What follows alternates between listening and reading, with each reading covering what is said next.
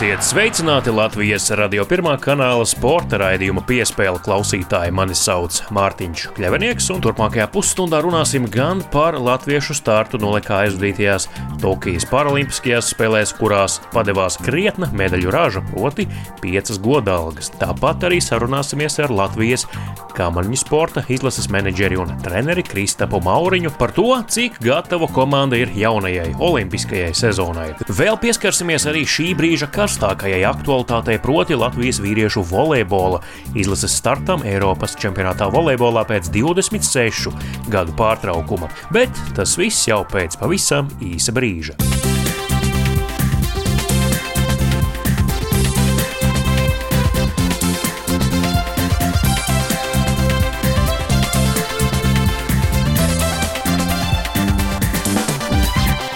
Jūs klausāties Latvijas radio pirmā kanāla sporta raidījuma piespēle studijā Mārtiņš Kļavinieks, un raidījumu sāksim ar šīs nedēļas karstāko aktualitāti, jo Latvijas vīriešu volejbola valsts vienība pēc 26 gadu pārtraukuma atkal piedalās Eiropas čempionāta fināla turnīrā, šoreiz aizvedot grupas spēles tepat netālu esošajā Tallinā. Igaunijas galvaspilsētā esošās Saku Surhals sienas Latvijas sportam ir ļoti veiksmīgas, jo, piemēram, 2013. gada vasarā tur Latvijas 20 gadīgo un jaunāku puišu basketbola izlase izcīnīja pirmo medaļu Eiropas čempionātos, kas bija Latvijas vēsturē pirmā šāda godalga pašmāja basketbolistiem, un toreiz Artoša Tālberga vadītā komanda finālā gan zaudēja, bet izcīnīja sudraba medaļas. Savukārt Latvijas vīriešu volejbola izlase šonadēļ uzsāka Eiropas čempionāta fināla turnīru, sāka to tieši pret mainiekiem Igauniem un pārpildītu e, tribīņu priekšā.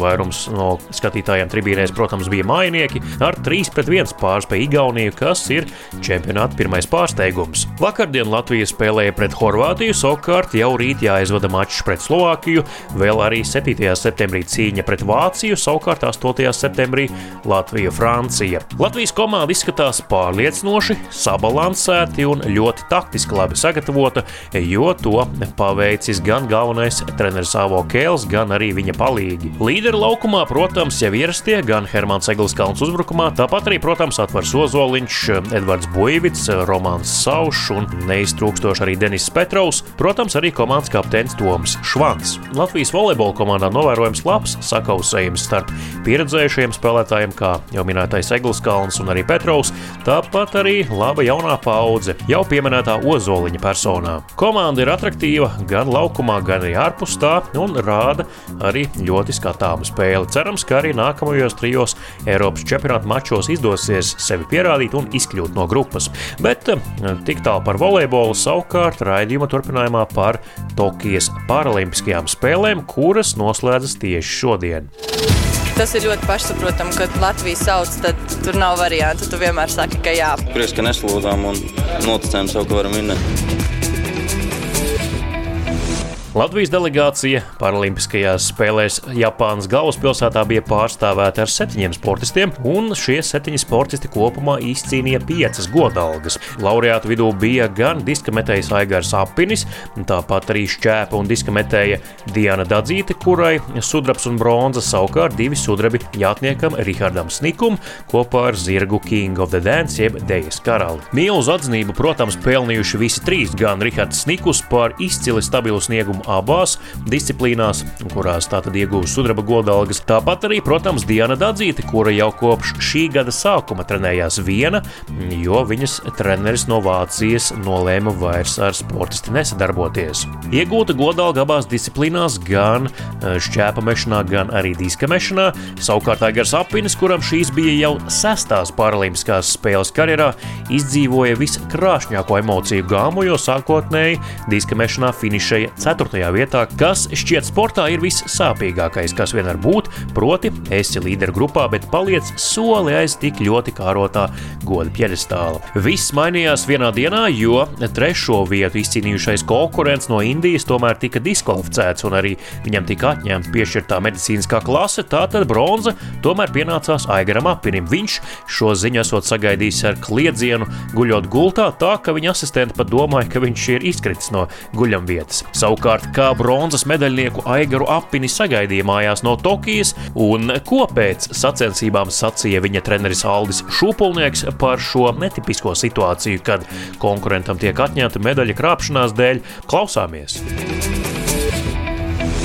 Mēs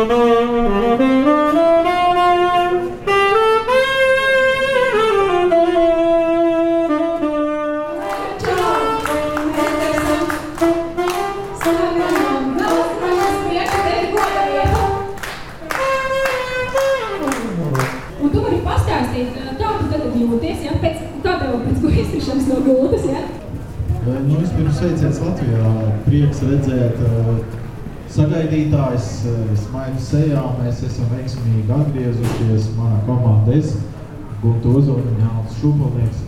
Visi esam dzīvi un veseli. Nu, ilgstošais piecu gadu darbs ir man kaklā. Bronzas medaļa, tā kā jau mazliet dzirdējiet. Nu, šī man ir arī tā kā zelta vērtē.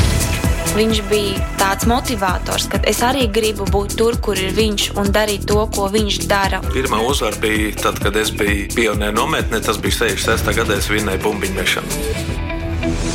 Nu, es teikšu, šī man ir zelta vērtē. Jā. Zelta vērtē, tāpēc, ka uh, šīs sacensības man izvērtās par godīgu sportu. Jā. Tāpat kā dopinga kontrole, tāpat kā cits. Jā. Tas bija godīgs sports, tomēr sportā taisnība un godīgums uzvar. Tas ir pats pārāk. Jā. Ja iezogās kaut vai kā dopinga kontrole vai kas, tas nav tīri. Šeit bija tīri un šeit ir pelnīta mana godalga un arī sevišķi skatoties to rezultātu, manu līderu, pirmo trīnieku, nu tur bija pa centimetriem. Tas bija fantastiski. Nebija tā, ka kāds bija slikti sagatavots, visi bija sagatavojušies labi, tikai tie rezultāti nebija tik labi. Ja? Bet, nu, tas liecina, ka tas viss uztraukums, tas karstums, tas nogurdināts, tas darīja savu. Ja? Bet, nu, strūns rezultātiem galvenais, ka medaļas kaklā. It sevišķi, kā es iepriekš teicu, tas mitrais gaiss, es teiktu, ka būtu labāk, ka no rīta būtu labāk. Tad nebūtu tas tik mitrs, ja saule būtu ļoti vēl karstāka, ja? bet nu, es domāju, ka tas būtu pozitīvāk. Un sevišķi es startēju tā kā astotais, ja man divas stundas bija laukumā jāpavada tajā karstumā. Es izgāju savu startu, bet nu, es jūtu, ka nu, kaut kas labi nebūs. Jā, bet, nu, arī skatoties uh, citiem konkurentiem, arī neveicās tajā rezultātā. Neko, nu, tādas sacensības, tā ir laimes loza, kurš tu startēs pēc kārtas. Ja? Un it sevišķi šīs sacensības bija seši metieni uzreiz. Ja? Saistībā laikam ar to covid, ja, ka lai nedrūzmējās viens pie otra un arī ļoti enerģiju, stresu paņēma to, ka visās sacensībās organizatori palīdzēja noteiktām sporta klasēm iekāpt ratos un sagatavoties. Šeit organizatori to nebija pateikuši. Mēs būtu sagatavojušies. Varēja ņemt kādu no Latvijas delegāciju palīgā, ja, tā, bet tas nebija. Tā bija tāda viņu arī kļūda, ja, kas sportists daudz izsit no savā emocionālā un fiziskā sagatavotība tajā brīdī. Nē, nu, pirmā vienmēr paliek. Jā, pirmā mīlestība paliek vienmēr jā, atmiņā. Pirmā Sidneja Parāmskā spēles tas vispār bija priekš manis no lau, lauku puikam no Latvijas atbraukt uz otru pasaules malu un startēt un iznest Latvijas vārdu pasaulē ar divām bronzas godalgām. Protams, šī paliks arī manās galvā kā viena no grūtākajām. Viena no grūtākajām, bet no viena no veiksmīgākajām. Aigar, unikāla pieredze. Ne katrs sportists tu varētu būt viens no tikai dažiem pasaules vēsturē, kurš izdzīvo šādu emociju gāmu. Tu paliec ceturtais, kas laikam ir rūgtākais, kas vispār sportā Jā. var būt. Un tad paiet neilgs laiks, un tu saproti, ka tu tomēr esi trešais. Pastāstiet par to pieredzi.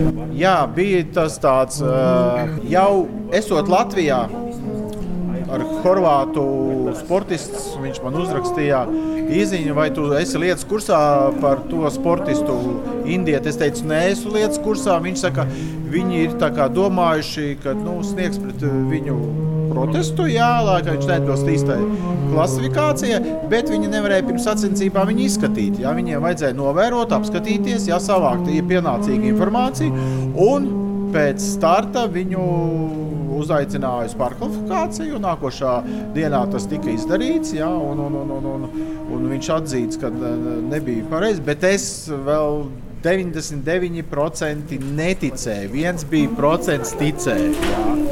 Bet, nu, kad tas procents viens piepildījās, tad man bija tas emociju gama. Es teicu, es nezinu, kā tas ir izdzīvot klinisko nāvi. Tas apmēram kaut kas tāds bija no jauna piedzima. Ja?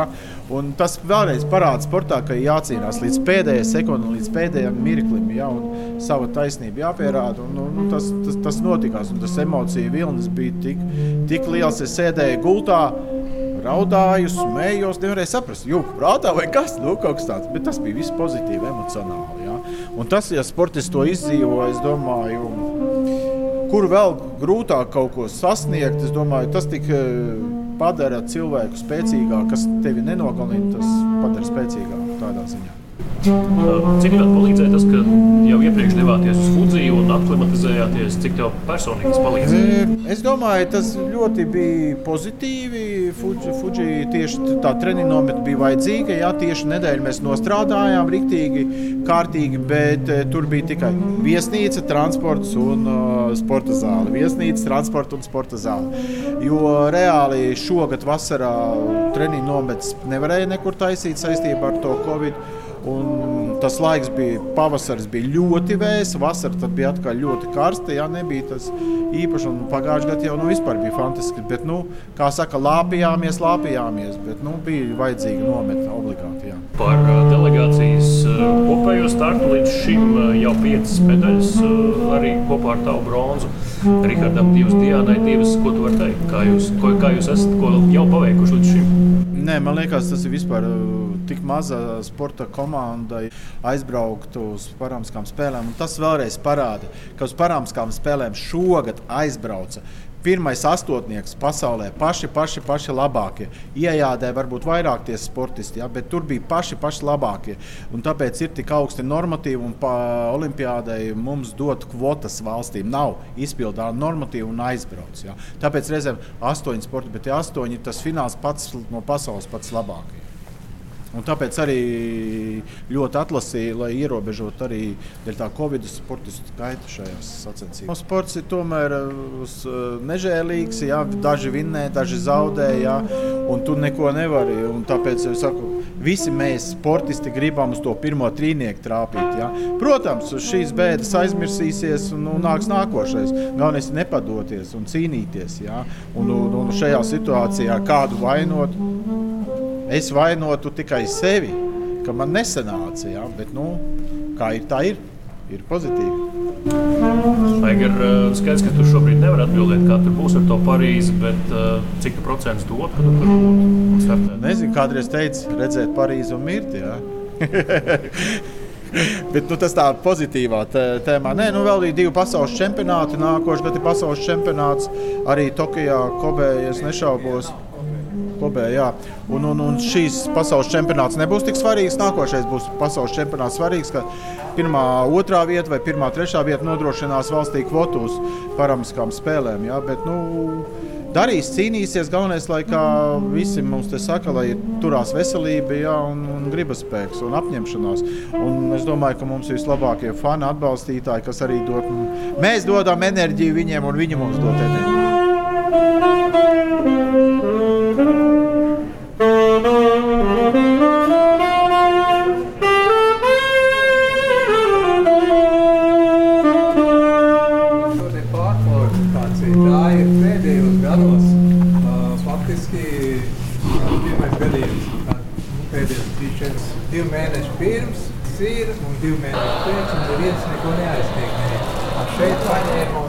Nu, tā iet runas, ka Indijas federācija ir izstrādājusi tādu sistēmu, mm.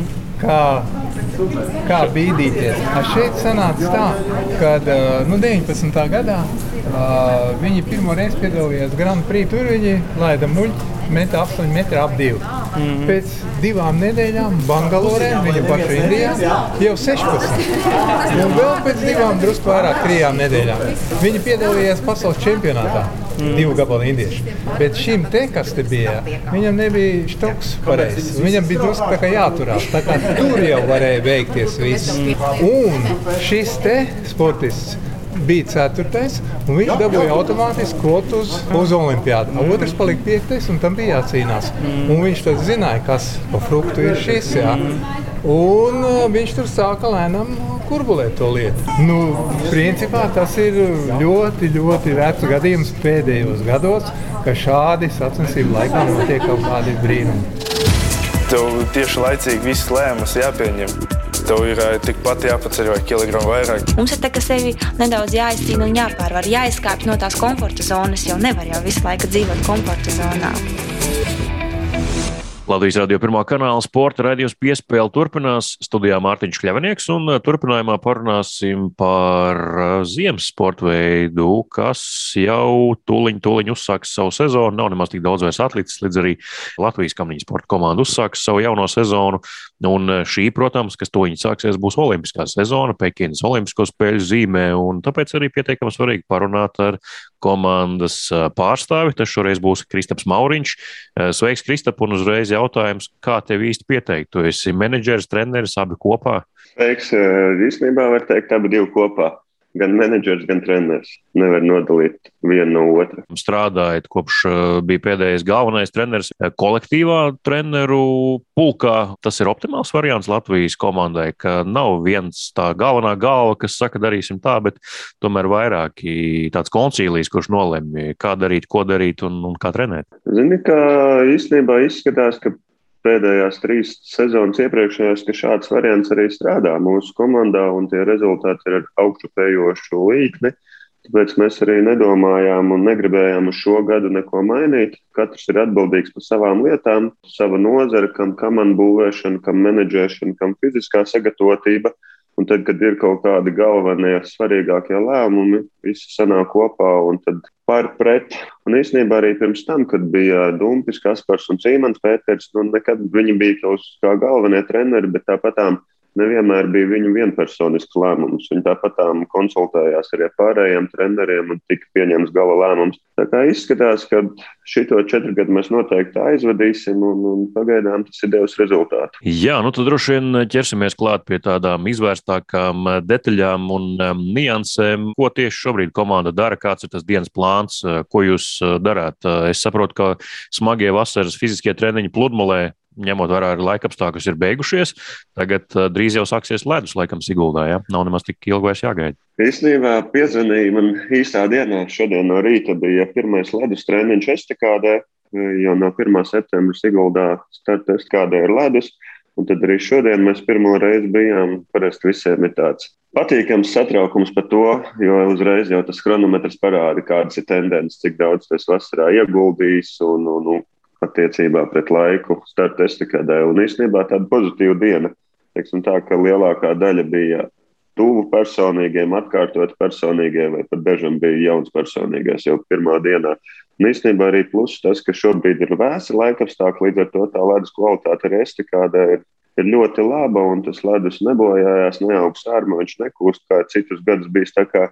Priekš ledus šis rudens laikapstākļi ļoti, ļoti labi patīkami. Trasē parasti ledus tiek uzlietas oktobra sākumā, tā vismaz ir bijis citus gadus. Šogad līdz. Pagaidām, jā, jā, pēc plāna, cik runāja trases vadība ar, ar ledus meistariem, ka tas varētu būt 4. oktobrs. Pienāk dažādas ziņas, un, un kulāros cilvēki runā par kamanām, jo kamanas ir olimpiskā cerība. Pastāst, varbūt, kas ar jums šobrīd trenējas, jo dzirdēts ir nu, dažādas runas. Laikam par individuālajiem sportistiem netik daudz, bet uh, divniekos varbūt varbūt sāksim ar divniekiem, ievies skaidrību, kas šobrīd trenējas jums divniekos. Brāļi Šīts, un es saprotu, um, Mārtiņš Bots un Roberts Plūmi joprojām ir, bet uh, ir laikam arī aizgājušie, kuri nav vairs sportā. Pastāst vairāk. Jā, nu, pareizi tu nokomentēji divvietīgās ekipāžu brāļi Šīts un jaunie Botsa Plūmi. Pavasarī mēs palikām ar diviem divniekiem, divi no iepriekšējiem divniekiem aizgāja projām. Runājot par Gudrumoviču Kalniņu, tas noteikti bija. Nu, arī presē es jau redzēju izskanējuši informāciju, ko es varu arī apstiprināt. Tas bija finansiāli apstākļu dēļ. Puisiem tā sezona bija ok, pieņemama, bet varbūt ne tik laba, kā viņiem pašiem gribējās. Līdz ar to arī tas finansiālais atbalsts no Olimpiskās vienības nebija tik liels, lai viņi varētu nodrošināt savus ģimenes, jo puiši jau ir, teiksim, tā kamaniņu sportā diezgan gados, priekš kamaniņu sporta, un abiem ir divi mazi bērni. Un, nu, teiksim tā, ka līdzīga situācija bija arī ar Putinu un Marcinkēviču, ņemot vērā, ka viņi pagājušā sezona bija dotas divas iespējas tikt komandā, jo tā konkurence pagājušajā gadā bija diezgan liela uz divniekiem, un, diemžēl, abas reizes viņiem tas neizdevās, un, un līdz ar to viņi nestartēja nevienā pasaules kausā, un tā skaitā ne čempionātā, Eiropā, ne pasaulē, un arī viņi palika vispār bez finansiālā atbalsta. Un skatoties to pagājušo gadu, nu, viņiem tiešām grūti gāja, gāzās, krita, cēlās, bet beig beigās tas rezultāts nebija. Tādā komplektācijā, tādā tandēmā vairs mēs viņos perspektīvu neredzējām. Plus arī, protams, tas finansiālais stāvoklis. Tā kā jā, mēs esam palikuši ar diviem divniekiem, un trešais ļoti cerīgs ir vēl junioru vecumā, kas ir Edvards Šēvits un Lukas Krasts. Šis gads vēl ir pie junioriem. Mēs kopā ar junioru treneriem papētīsim to kalendāru. Iespējams, kaut kur Eiropas trasēs, ja nepārklāsies ar junioru mačiem, tad tad mēs viņus piesaistīsim pie lielajiem, lai viņi apbružājās, aposta gaisu, jo ļoti ceram nākamajā pēcolimpiskā sezonā jau viņus redzēt lielajā izlasē. Divnieku kamanas tas ir komandas darbs, un uh, tur jābūt pieslīpējušamies vienam otram un nu, jāsaprot no pusvārda, bet uh, laikam tomēr divniekos tā praksa nav tāda, kā piemēram tajā pašā pludmales volejbolā, ka maina pārinieks un mēģina atrast to labāko. Jums nebija kaut kādas domas, ka varbūt, nezinu, pamainīt, uh, nu, nezinu, Putinu, apmainīt vietā lietām ar, ar Gudramoviču vai kā citādāk kombinācijas veidot un pamēģināt, varbūt saklikšķi. Nu, tā kā tādā pavasarī, tad uh, Oskars bija nolēms, ka viņš viņa finansiāli apstākļi nu, neapmierina, viņš ies projām. Tā kā izskanēja vēl versija, varbūt Putins ar Kalniņu kopā mm. tur arī. Bet, nu, jā, nu, kā tu teici, tas ir diezgan svarīgi, lai arī saskan tie raksturi, jo sevišķi kamanās un tā ikdienas dzīve, jo tev ir jābrauc vienās ragavās, viens otram ir jāuzticās pat vairāk, varbūt kā pludmales volejbolā. No malas skatoties, viņu raksturi varbūt nebūtu tik samērīgi, ne, bet vienādi, lai viņi brauktu vienās ragavās. Tā kā, mm. Tāda opcija, versija kaut kur no mutes mutē izskanēja, bet, nu, beigās, ne, beigās bija nolēma, ka Mēs paliekam ar diviem divniekiem, un tad nemainās viņu pāriniekiem. Citreiz ir tā, ka tā iekšējā konkurence tev tiešām dzen uz priekšu un, un liek tevi motivēt vēl vairāk un, un darīt vēl vairāk. Citreiz eh, tā iekšējā konkurence varbūt kaut kur patraucē. Un tagad eh, abi lielie izlases divnieki var brīvi gatavoties Olimpiskajām spēlēm, nedomāt par kaut kādu iekšējo konkurences atlasi. Katrā gadījumā, lai izdodas sagatavoties Pekinas uh, ziemas spēlēm, labi divniekiem, brāļi šits jau ir parādījuši, ka viņi uz Olimpiskajām spēlēm vienmēr ir top formā un gatavi startēt visaugstākajā līmenī. Par dāmām. Dāmas arī, protams, gatavojas Olimpiskajām spēlēm. Kāda ir uh, viņu situācija? Nu, pēc dažādām fotografijām sociālās saziņas vietnē varēja spriest, ka maijā, jūnijā jūnijā, laikam, Elīza tīruma tomēr ar jums netrenējās, trenējās atsevišķi. Tagad viņi ir ar jums kopā. Tas bija savainojuma dēļ. Jā, jā, tieši tā. Mums ir piecas meitenes. Četras no tām trenējās pie Mihaila Arhipa un manā vadībā. Fiziskajā sagatavotībā tā ir uh, Kendija, Apariode, Ulla Zirne, Elīna Vītola un Sigita Bērziņa. Un tad ar Elīnu pavasarī sezonas beigās bija pārunas, viņai atkal sāka sāpēt pleci ar ko viņa jau cīnās pēdējos gadus. Un, ja nemaldos, iepriekšējā vasarā viņai vēl bija pat operācija un atkal. Un tās slodzes, tie vingrinājumi, viss Mihāla Arhipovu vadībā ir diezgan. Viņas pleci to netur, to slodzi. Un mēs negribējām atsveicināt vēl nopietnāk to savainojumu. Tad tika pieņemts lēmums, kad uh, Viņai treniņa programmu izstrādā Olimpiskās vienības fizioterapeiti. Ja nemaldos, tas pat bija Oskars, Oskars Urbanovičs. Un kopā Nu, jau viņai arī Vācijas pusē ir arī speciālisti, kas var dot kaut kādu padomu, un to visu saliekot kopā, tika izveidota programma, un tad viņai tika dota tāda zaļā gaisma trenēties individuāli pēc sava plāna. Pēc šodienas rezultātiem es tikai gribētu teikt, ka nav slikti. Tas varētu būt, ka ir atmaksājies. Un galvenais, lai viņai ir veselība un neatsvaidzina plecs traumas sezonas laikā. Kendija parādīja pagājušajā sezonā, ka viņa ir progresējusi. Elīna jau Vītola arī, protams, viennozīmīgi pirmais piedestāls pasaulē. Un, tāpat savukārt Ulla šķietam stāv uz vietas un īsti neprogresē tā no malas skatītājiem varētu likties. Kā tu novērtētu varbūt katru no viņiem? Kendija, teiksim, tā ir ne brieduma gados, bet tuvojās tam, nu jau viņa arī gana pieredzējusi. Ir, ir sacensības, kur viņi parāda sev ļoti labi, ir sacensības, kur pieklibo kaut kas nesenāk, kā gribētos, bet katrā ziņā tur viss ir kārtībā un, un, un viņi ir motivēti un, teiksim tā, viņi varētu būt arī viens no paraugiem, ar kādu darba ētiku jāpieiet lietām. Viss, viss iesildīšanās, atsildīšanās, dienas grāmata, viss, visu cieņu un tikai labu pa Kendiju. Elīze arī, nu, Elīze jau bijusi daudzus gadus, un viņa pieredzējušākā mūsu komandā. Nevienmēr tu būsi topā pašās vietās, augstākajās. Tas ir, nu, kā man sportā. Citreiz tu izdari no savas puses vislabāko, bet nu, tā kā man nu, negaida tādīs laika apstākļos, vai vēl kaut kāds nedaudz blakus faktors. Jā, par Ulu runājot, nu, viņai droši vien, ka ir tā vājākā vieta, tas sats. Un tas jau nav nevienam nekāds noslēpums. Arī viņa pati to apzinās. Katru vasaru mēģina, cik vien var viņu satrenēt pēc iespējas labāk. Bet, nu, Kaut kādas simtaļiņas varbūt viņai pašai pret sevi sanāk uzlabot, bet tā kā tās pārējās meitenes, tā, tā makau tas lēciens uz priekšu startā ir liet, nu, krietni lielāks. Un tad nulles plus visā ir noteikti viņas sajūta un braukšana pa trasi. Jo tāds kā Ulē, atkal ir tieši sajūtas un, un kas, kas saka, feelings. Nu, komandā, laikam, viņai noteikti to varētu teikt, tas ir vislabākais. Sigita startēja sezonas pirmā pusē, galvenokārt visās sacensībās bija ap 16. vietu kas priekš viņas arī ir liels lēciens, ņemot vērā, ka sezona, iepriekšējā sezonā vēl pie junioriem viņi tā, tā brauc. Un, jā, un tā iekšējā konkurence pagājušajā gadā arī viņa, viņa nedaudz piekāpās gan Ulē, gan Elīnai atlases kontrolu treniņā uz otro sezonas pusi. Otrā sezonas puse atkal tika dota Elīnai, kas uzskata, ka viņa parādīja sev, pierādīja sev ļoti labi piektā vieta Eiropas čempionātā Siguldā un apbrauc visas pārējās mūsu meitenes, kas ir daudz pieredzējušākas Siguldā. Un, protams, uzvar pasaules kausā pēdējā posmā. To man liekas, ka viņi pati negaidīja, un mēs neviens negaidījām. Un noslēgumā pie kungiem. Tur viens izteikts līderis, Kristers Aparjots, pārējie cenšas dzīties pakaļ, kā no viņiem tas kurās sacensībās sanāk. Bet uh, no malas arī šķiet, ka pietiekami sīva konkurence, kas dzen uz priekšu gan Kristuru, gan arī pārējos. Skaidrs, ka pagājušajā gadā tas potīts e, lūzums sezonas sākumā viņi noteikti izsita diezgan ārā, un tas bija zaudējums arī mums kā komandai. Bet e, te pašā laikā es domāju, ka šogad viņam būs diezgan jāpierāda savu vietu komandā. Skaidrs, ka vieta viņam ir uz pasaules kausiem, jā, bet tā iekšējā konkurence, jo jaunais Gins Bērziņš, es gribētu teikt, ka viņam noteikti elpos pakausi, jo Gintam pagājušā sezona bija pati pirmā pie lielajiem, lai gan viņš vēl arī šogad ir juniors. Daudzās trasēs viņš kā Kēnigsē un Altenburgā pirmo reizi brauc no vīra starta. Un tie sezonas otrās puses rezultāti, ka viņš praktiski, liekas, visos pasaules kausos pēc Siguldas, kas bija iebraucis labāko desmitniekā, tas jau ir atzīstams ļoti labs rezultāts, ņemot vērā, ka viņam tikai 19 gadi.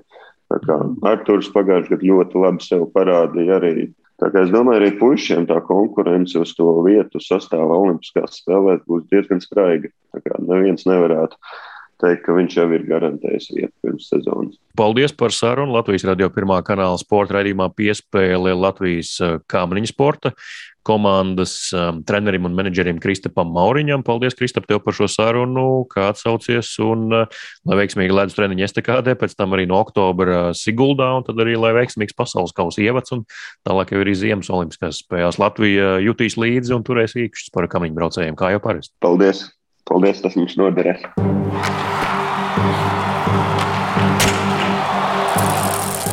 Līdz ar to arī izskan šīs nedēļas sporta raidījums piespēle. To veidoju un vadīju es, Mārtiņš Kļavinieks, bet par labskaņu kā allaž parūpējās Nora Mītspapa. Pirms atvados atgādinu, ka raidījumu piespēle varat meklēt arī jebkurā sev ērtā raidierakstu jeb podkāstu klausīšanās vietnē. Tur, starp citu, būs atrodama arī garāka saruna ar Latvijas kamaniņu sporta izlases treneri un menedžeri Kristapu Mauriņu. Bet šobrīd es jums saku uz sadzirdēšanos līdz nākamajai nedēļai.